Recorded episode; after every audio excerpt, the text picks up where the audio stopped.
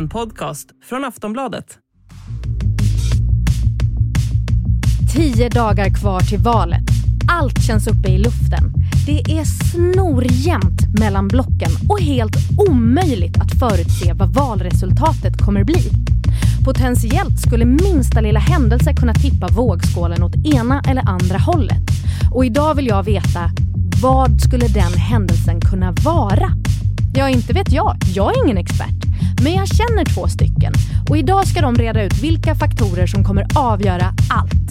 Det här är Aftonbladets politikpodd med Lena Melin, My Råväder och mig, Soraya Hashim.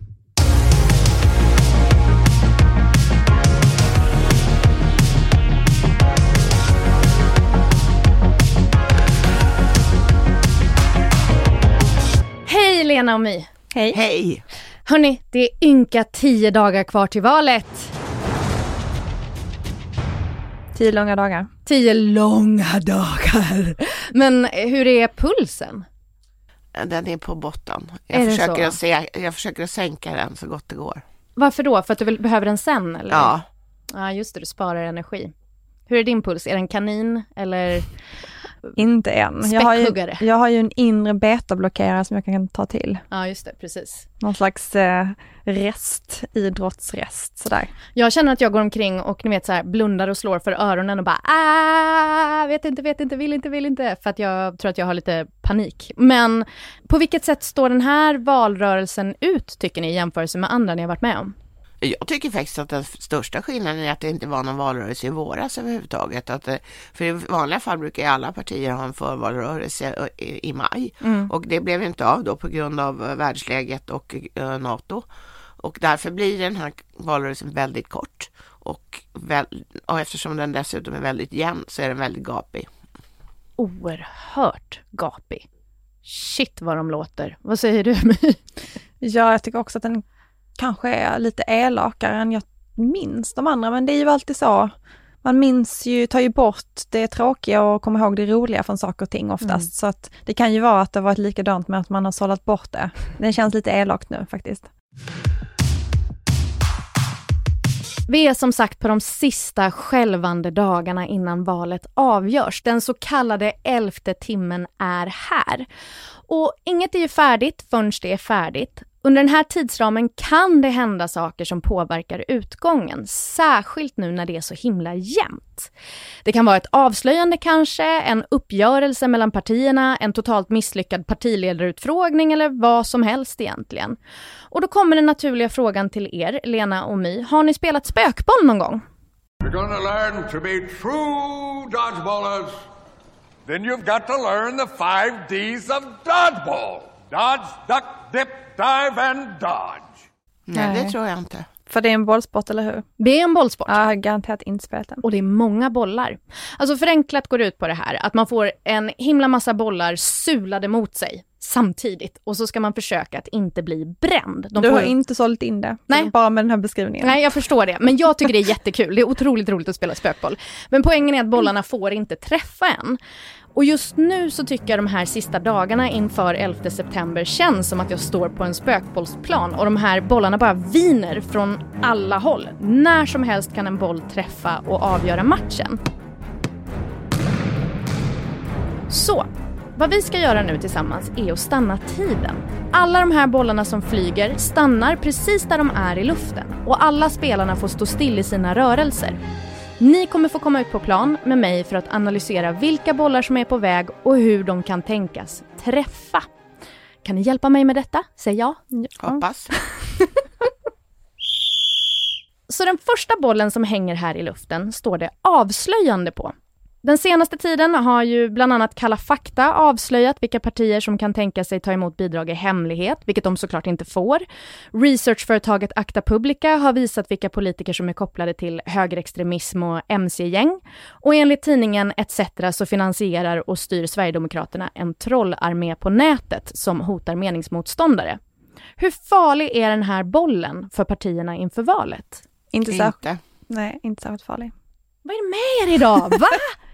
Ja men det är väldigt ovanligt att skandaler påverkar ett val om man har titt- när man har tittat på det historiskt. Det enda som man brukar säga är det här valstugereportaget från 2002, Mm. eh, när man avslöjade rasism i Moderaternas valstugor och sen så gjorde Och i Moderaterna sossarnas. Och i sossarnas Ja. också. Men de vann ändå. Ja. Ja. Eh, men Moderaterna gjorde ett katastrofalt val, men det var ju samtidigt lite svårt att veta om det var det eller om det var Bo Lundgren som var partiledare. Så att, eh, som sen fick, eh, han satt inte kvar sådär jättelänge helt enkelt. Var det på grund av detta eller? Alltså var det på grund av valstugereportaget som han Nej, gå? nej, det var det katastrofala valresultatet. Så det, man vet ju inte liksom vad som är hönan och ägget där med det här, katastrofal, eh, det här katastrofen till val. Men annars så visar ju forskningen att det inte påverkar val, att liksom det ska det, det är inte någonting väljarna bryr sig om sådär jättemycket och om man tittar på de här avslöjanden som har varit nu, eh, framförallt de som gäller Sverigedemokraterna, så vet vi att Sverigedemokraternas väljare bryr sig inte om deras skandaler, utan det är inte därför man röstar på Sverigedemokraterna. Så att jag tror att det är ju ingen som behöver ducka den där bollen sådär jätte... Man behöver liksom inte knixa sitt knä för att undvika den här bollen. Det är inga hälsenor som dras. Nej, inte Men- det här. Men Lena, jag, jag tycker det liksom känns märkligt. Varför får inte sådana här avslöjanden större effekt? Det känns som att det borde vända hela spelplanen. Ja, men det gör det ju inte, utan det här, för det första handlar det om saker som folk redan har misstänkt. För det andra är det inga jättekända människor inblandade. Så att det, det, det, det saknar all form av sprängkraft skulle jag säga. Det är ju att Sverigedemokraterna eh, betalar folk för att vara en trollarmé. Ja, vem, vem blir förvånad? Ja. Mm, är att eh, partierna har svårt att tacka nej till jättestora bidrag av folk som på, vill vara anonyma. Ja, I'm not surprised. Nej. Nej, där har du ju verkligen en poäng. Men, men så du menar att om ett avslöjande hade kommit om någon av partiledarna istället, hade det gjort skillnad? Alltså om, om vi hoppar tillbaks till det här reportaget som ju, eh, om valstugorna som, som sändes i SVT precis väldigt nära valet så var det ju så att det ledde till att, eh, att Moderaternas redan skrala opinionssiffror dök ytterligare. Och det berodde på att eh, inte bara moderata, moderata personer som var eh, intervjuade i de här valstugorna uttrycker sig dumt, utan det, det var ju flera. En socialdemokrat sa ju när han tittade på sig själv på rörlig bild, så det är inte jag. Ja, Fast det var solklart att det var han. Eh, Men, och, eh, men, Men de var inte kända. Nej, Mm. eh, men det gjorde ju att, att redan usel, det som tonade upp sig som ett uselt val, valresultat för Moderaterna blev ännu sämre. Men så vad, vad skulle kunna göra skillnad idag? Alltså vad för typ av reportage skulle kunna svänga hela... Ja, men det måste ju vara någonting som gör att man säger wow. Wow-faktorn måste finnas. Okej, så säg då eh, Uppdrag granskning eller eh, 200 sekunder går in och eh, står i valstugan. Där står Magdalena Andersson och på, på hemlig kamera får de henne att säga, eller så, så får vi med att hon säger, jag tycker inte några barn ska få gratis skolmat. Barn är sämst. Jag hatar barn. Om Magdalena Andersson skulle säga någonting sånt. Ja, det, det, det skulle jag säga har en mycket hög wow-faktor. Så att, eh, då skulle hon nog bli tvungen att helt enkelt inte bara, hon skulle kanske ha svårt att vinna valet, det kanske hon har ändå, men hon skulle kanske också ha svårt att behålla jobbet. Sen måste man ju ha ett alternativ också för att, det ska få, för att det ska visa någon effekt. För att i valet 2002 så fanns det ett alternativ och det var ju att Liberalerna gjorde sitt bästa val någonsin. Eh, det var delvis det här med språkkrav har de ju sagt som en, det här lejon, vad kallar man det? Lejonkungen. Lejonkungsfaktorn.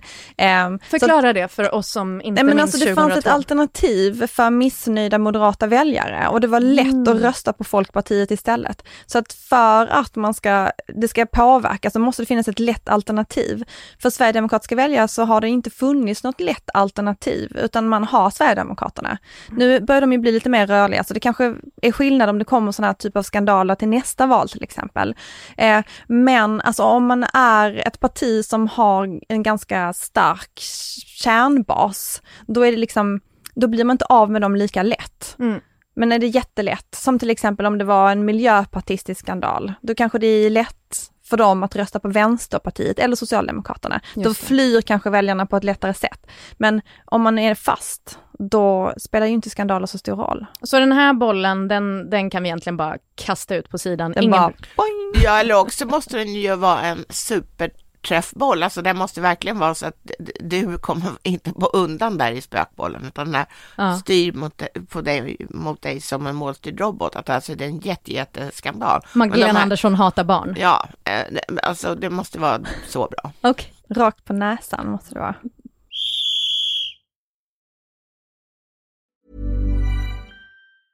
When you're ready to pop the question, the last thing you want to do is second guess the ring. At BlueNile.com you can design a one-of-a-kind ring with the ease and convenience of shopping online. Choose your diamond and setting. When you find the one, you'll get it delivered right to your door. Go to Bluenile.com and use promo code LISTEN to get $50 off your purchase of $500 or more. That's code LISTEN at Bluenile.com for $50 off your purchase.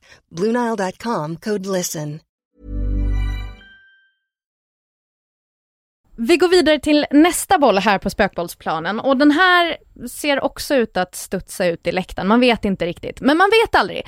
På den här så står det nyhetshändelser. För ibland händer stora dramatiska saker som jag eh, tänker borde eller skulle kunna få stor politisk effekt här och nu. På senare tid har vi haft några sådana eh, hemska nyheter, bland annat om skjutningen vid en lekplats i Eskilstuna där en mamma och hennes barn träffades. Skjutningen på köpcentret Emporia i Malmö och att det visade sig att Annie Lööf var måltavla när Ingmarie Wieselgren mördades i Almedalen.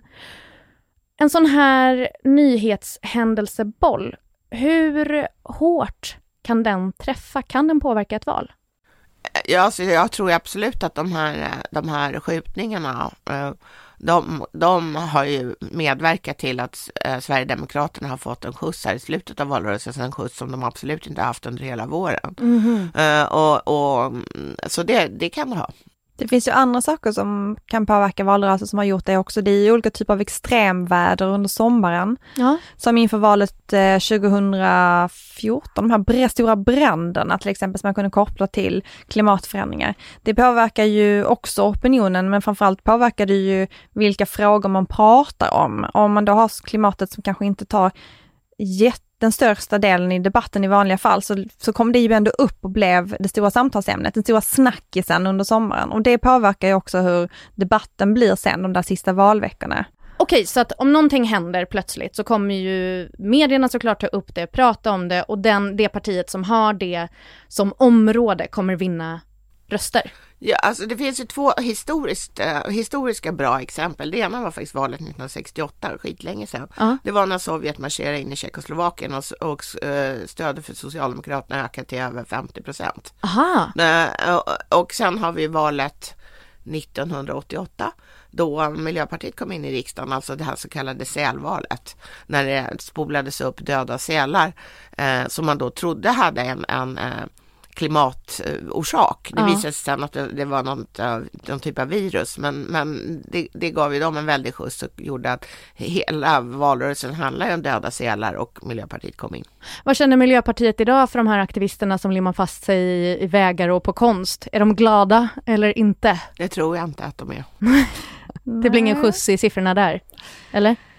Jag tror i och för sig inte att det finns så där jättemycket koppling mellan det här otroligt pragmatiska Miljöpartiet och miljörörelseaktivister nu för tiden. Nej, det tror inte jag heller, men, men frågan är ju fortfarande miljö. Det är både bra och dåligt för Miljöpartiet. Men ser ni någonting som skulle kunna hända nu de, de närmsta tio dagarna i nyhetsläget som skulle kunna påverka resultatet? Jag hoppas inte det, för att det skulle ju vara någonting som var så hemskt att det liksom slog ut allting mm. annat och den typen av nyhetshändelser vill man ju varken tänka på eller spekulera kring. Eller vara med om. Eller vara med om. Men eh, på tal om nyheter då, de här sista dagarna nu så kommer vi ju överösas av partiledarutfrågningar, debatter och säkert utspel och, och så. Hur mycket kan en partiledares prestation nu påverka valet i den här typen av situationer? Alltså det gäller ju främst att inte göra bort sig. Ja. Eh, det är absolut det viktigaste. Att göra bra ifrån sig är bra, men det är, det är mycket värre att göra dåligt ifrån sig. Alltså pendeln slår hårdare mot den som gör bort sig. Hur dåligt måste man göra ifrån sig för att det skulle ge effekt? Ja, men det är ju att, eh, ja, ganska dåligt. Typ, jag hatar barn igen. Ja, det skulle någon säga det i en, te, en tv-sänd partiledardebatt, då, då, då, då jag tror att det kanske nästan skulle bli tyst en liten stund och det är inte så vanligt i de sammanhangen. Jag, jag hatar dem inte men jag tycker Men- inte om dem. Nej men att någon klarar sig jättedåligt, att någon beter sig illa, att någon snäser av någon på ett otrevligt sätt. Det kan vara liksom den typ av saker som ju ändå blir väldigt stora i den här miljön. Ja, just det. Jag vet någon som hoppas på att det här ska vara, göra den stora skillnaden och det är Ulf Kristersson. Mhm. Jag var ju ute och åkte buss med honom nu i veckan Ja. och det är liksom deras, deras stora hopp nu är ju att det ska bli så himla bra den där sista veckan och att han ska eh, liksom bevisa sin statsministerposition gentemot Magdalena Andersson i de här duellerna. Så att de hoppas verkligen på det. Så han, han kommer jobba på sin charm och seriositet och hoppas att han tar hem det på det sättet. Mm, Okej. något sånt. Här kommer en annan boll som är på väg in från sidan och på den så står det de avgörande rösterna. Det finns några röster som kan komma att räknas efter valdagen, alltså efter det att vi har fått det första valresultatet runt midnatt på valdagen. Och det är alltså en del av förtidsrösterna och utlandsrösterna. Det är ju så himla jämnt i det här valet. Kan de här eftersläntrande rösterna komma att påverka resultatet? Om det är jättejämnt så jag, kan det ju göra det. För alltså, vad kan det hänga på? Det är några tusen röster eller? Ja, nu kommer inte jag ihåg vilken valkrets det var i förra valet, när, det var så att det var bara några hundra röster från åt ena eller andra hållet som herregud. påverkade så att säga eh, balansen mellan, mellan eh, de två grupperingar som var aktuella på, på politikens plan, plan då. Eh, men sen så fanns det också i det förra valet var det ju också att det fanns det här, ut, eller det här pingpongmandatet som hoppade fram och tillbaka när man räknade röster. Så mellan Sverigedemokraterna och Centerpartiet. Som till slut landade hos Centerpartiet, som till slut landade där 175 mandatet för den, det som blev sen januari-blocket. Eh, och där, det är ju bara några tusen röster på ett sånt mandat. Så att Och- det är ju väldigt, alltså är det typ samma resultat så är det ju verkligen på kniven. Oj, shit. Man, man vill ju ha utlandsrösterna och det tror jag Moderaterna också insett. Att man vill ha utlandsröster. Har de utlandsrösterna generellt tidigare svängt mer åt ett eller annat håll? Ja, men de enda som bedriver valrörelse i utlandet är ju Moderaterna. Aha. Och det finns ett skäl. Ja, jag förstår. Hur viktiga är soffpotatisarna i det här valet? De är viktiga i alla val. Därför den som kan skrämma upp flest soffliggare, den, är ju, den kan ju öka sin väljarandel. Det är ju eh, en av Sverigedemokraternas framgångskoncept ändå, att få upp människor från, från sofflocket och rösta. De är bra på det. Eh, de har varit det. Sen så tror jag att det kanske liksom, man har fått upp, man, det kan ju vara att man har nått sin potential där. Eh, men om man tittar på ett annat parti som också skulle ha fördel att få upp soffliggarna, det är ju Socialdemokraterna. För att soffliggarna finns ju i väldigt stora delar i de här områdena med en stor andel utlandsfödda. Eh, och där är det ju nästan bara Socialdemokraterna som kampanjar och det är också där de har sina starkaste fästen. Så att eh, det är ju... Kriget om soffan. Men man ska ju komma ihåg att soffan är ju väldigt liten i Sverige. Ja, Alltså det är ju faktiskt 86 procent som röstar. Och anledningen till det förklarar ju valforskarna är, ju bland annat att det är så lätt att rösta. Det, det, det, du behöver inte liksom infinna dig på ett visst klockslag en viss dag utan du kan pinna förbi något bås som står eh, tillgängligt någonstans och avlägga din röst. Den sista bollen som jag vill att ni ska titta på heter kändisröster. Det här är ju säsongen för kända personer att berätta vad de röstar på för att, antar jag, få med sig fler. Jag har sett influencers outa vad de ska rösta på, men även lite äldre kända namn har börjat ta ton. Jan Guillou berättar att han ska rösta på Miljöpartiet. Cecilia Hagen skrev att hon kommer byta parti efter 16 val. Båda de här två för att undvika SD. Pekka Heino kör på Miljöpartiet. Tidigare Army of Lovern, Dominika Peczynski, ställer upp för Liberalerna. Och fler lär det ju bli som berättar om sin valsedel. Hur stor roll spelar sånt här? Liten. Man kan inte se någon tydlig effekt. Nu, nu kom Nej, men Zlatan alltså, ut och sa vad han Ja, rösta på. Zlatan kanske skulle ha, för han har ju en stor följarskara så att säga. Mm. Som, men, men i vanliga fall så har ju inte sånt här någon, någon betydelse. Det här med att Bengt Westerberg, tidigare folkpartiledaren, gick ut och sa att han ska rösta på Centern. Mm. Kan det skapa något? Nej. Hur många vet vem han är? Nej, okej. Okay. Ja, valid point. Jag tycker det finns en intressant rörelse att fler berättar vad de röstar på. Ja. För att valhemligheten är ju ändå en stark svensk tradition.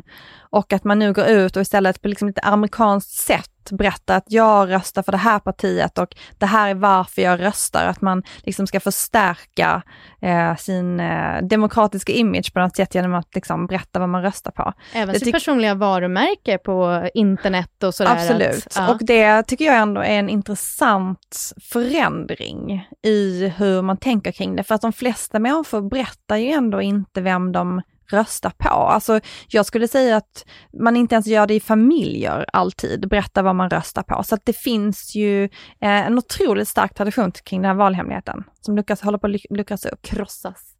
Ja, inte riktigt kanske, men, men ändå, liksom, det är ändå en ny trend tycker jag, att man vill berätta vad man röstar på. Jag såg att eh, Greta Thunberg ska ha en stor Fridays for Future-demonstration två dagar innan valet om hon skulle säga att alla ska rösta på ett särskilt parti, skulle inte det kunna tippa vågskålen? Det skulle hon ju aldrig säga. Men om hon skulle göra det? Men jag tror inte att det heller skulle ha någon större effekt. Det kanske hade haft det för ett par år sedan när hon var på topp så att säga. Ja. Men jag tror inte, jag tror inte att det skulle ha någon större effekt nu. Sist så undrar jag, ni som ändå står här på den här pausade spökbollsplanen med bollar i luften som bara väntar på att landa är det någon boll här som jag har missat, som jag inte har sett, som kan komma att förändra saker?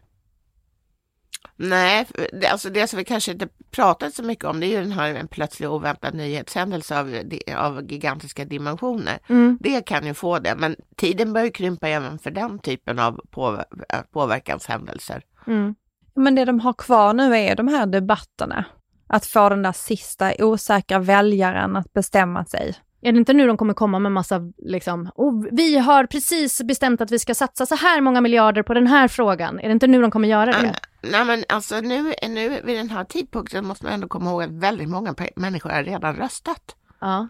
Eh, eh, så att, så att andelen som går att påverka eh, är mindre än det var för tre veckor sedan. Men häromdagen när, när vi pratade ja. utanför här studion ja. så, så sa du att det var en ganska stor andel ändå som inte bestämmer sig förrän precis i slutet. Nej, det gör de. Det är helt rätt att de, de bestämmer sig inte för den sista veckan och det är över 30 procent och vissa bestämmer sig inte förrän på valdag. Men grejen är att de nästan sju av tio gör precis som de gjorde förra valet trots att de inte har bestämt sig nu. Fan vad svaga vi är ändå, människan. Eller starka i våra ideologier. Ja men säg bara då vad du ska rösta på. Bara, jag vet inte. Tack så hemskt mycket My och Lena för idag. På måndag kommer ett nytt frågeavsnitt, så skicka in era frågor till Lena och My pronto. Ni når oss på podcast.aftonbladet.se. Producent för den här cirkusen är Olivia Svensson, experter My Råväder och Lena Melin och jag heter Soraya Hashim. Ta hand om er.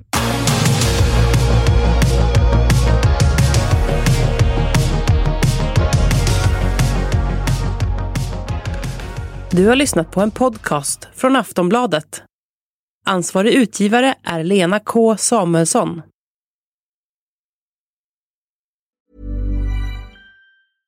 Ryan Reynolds här från Mint Mobile. Med priset på nästan allt som går upp under inflationen, trodde vi att vi skulle bring våra priser down. So to help us, we brought in a reverse auctioneer, which is apparently a thing. Mint Mobile unlimited premium wireless. Ready to get 30, 30, bit to get 30, bit to get 20, 20, 20, bit to get 20, 20, bit to get 15, 15, 15, 15 just 15 bucks a month. So, Give it a try at mintmobile.com/switch. slash $45 up front for 3 months plus taxes and fees. Promo for new customers for limited time. Unlimited more than 40 gigabytes per month slows. Full terms at mintmobile.com.